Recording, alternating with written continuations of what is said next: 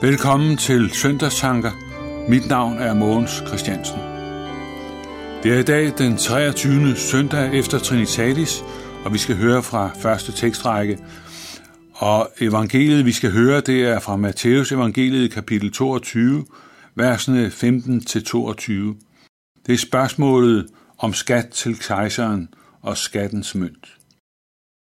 Hele teksten står på side 885 i den autoriserede bibel. Der gik farisæerne hen og besluttede at fange Jesus i ord. De sendte deres disciple hen til ham sammen med herodianerne, og de sagde, Mester, vi ved, at du er sandru og lærer sandt om Guds vej, og ikke retter dig efter andre, for du gør ikke forskel på folk. Sig os, hvad du mener – er det tilladt at give kejseren skat eller ej? Men Jesus gennemskuede deres ondskab og sagde, Hvorfor sætter I mig på prøve, I hyklere? Vis mig skattens mønt. De rakte ham en denar. Og han spurgte dem, hvis billede og indskrift er det? Kejserens, svarede de. Da sagde han til dem, så giv, hvad kejseren, så giv kejseren, hvad kejserens er, og Gud, hvad Guds er. Da de hørte det, undrede de sig og forlod ham og gik deres vej. Farisæerne og herodianerne gik hen til Jesus for at fange ham i ord. Kan man det? Kan man fange Jesus, Guds søn, i ord? Nej, man kan ikke fange den almægtige i ord, eller for den sags skyld fange ham i andre uregelmæssige ting.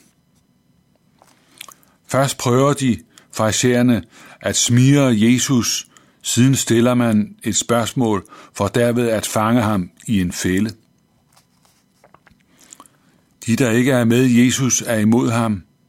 Det lader sig ikke gøre at have to holdninger og slippe igennem med det. Mange mennesker vil gerne tro på Gud, men når det så kommer til, hvad troen skal rettes imod Jesus, så siger de nej tak. Det er for meget. Det vil vi ikke. Det er for tæt på. Så må jeg jo give hele mit liv og hvad jeg ejer til ham. Nej, det vil jeg ikke. Jeg vil gerne tro på Gud på mine præmisser. Han må gerne få, del, få en del af det, jeg ejer, men resten vil jeg have for mig selv. Hvor meget skal jeg give Gud, for at han er tilfreds med mig for at han lader mig komme hjem til ham i evighed. Ingenting og alt. Du kan ikke give Jesus noget for at blive frelst. Han giver dig det hele, det vil sige alt, hvad du behøver for at blive frelst. Han giver dig troen og dermed livet sammen med ham. Det gav han, da han gik i døden for dig. Det gjorde han, da han opstod for dig. Det gør han til enhver, der tager sin tilflugt til ham. Farisæerne og herodianerne vidste nok, hvad der var lov og ret, og hvad der var rigtigt.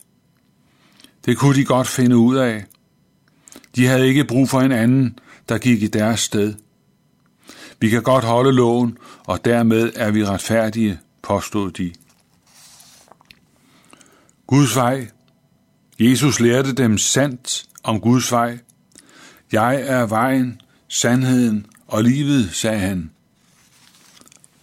Tollerne og sønderne der måtte erkende om sig selv, at de ikke kunne holde loven eller stille med en retfærdighed, der var holdbar. De fik og får en udvej, der holder i evigheden. Tro på Jesus, så skal du blive frelst. Tag din tilflugt til Jesus og det, han har gjort for dig, da han gik i døden for dig, og du vil erfare, at det holder. Troen på Jesus holder i livet og i evigheden. Hvad skal jeg gøre for at blive frelst?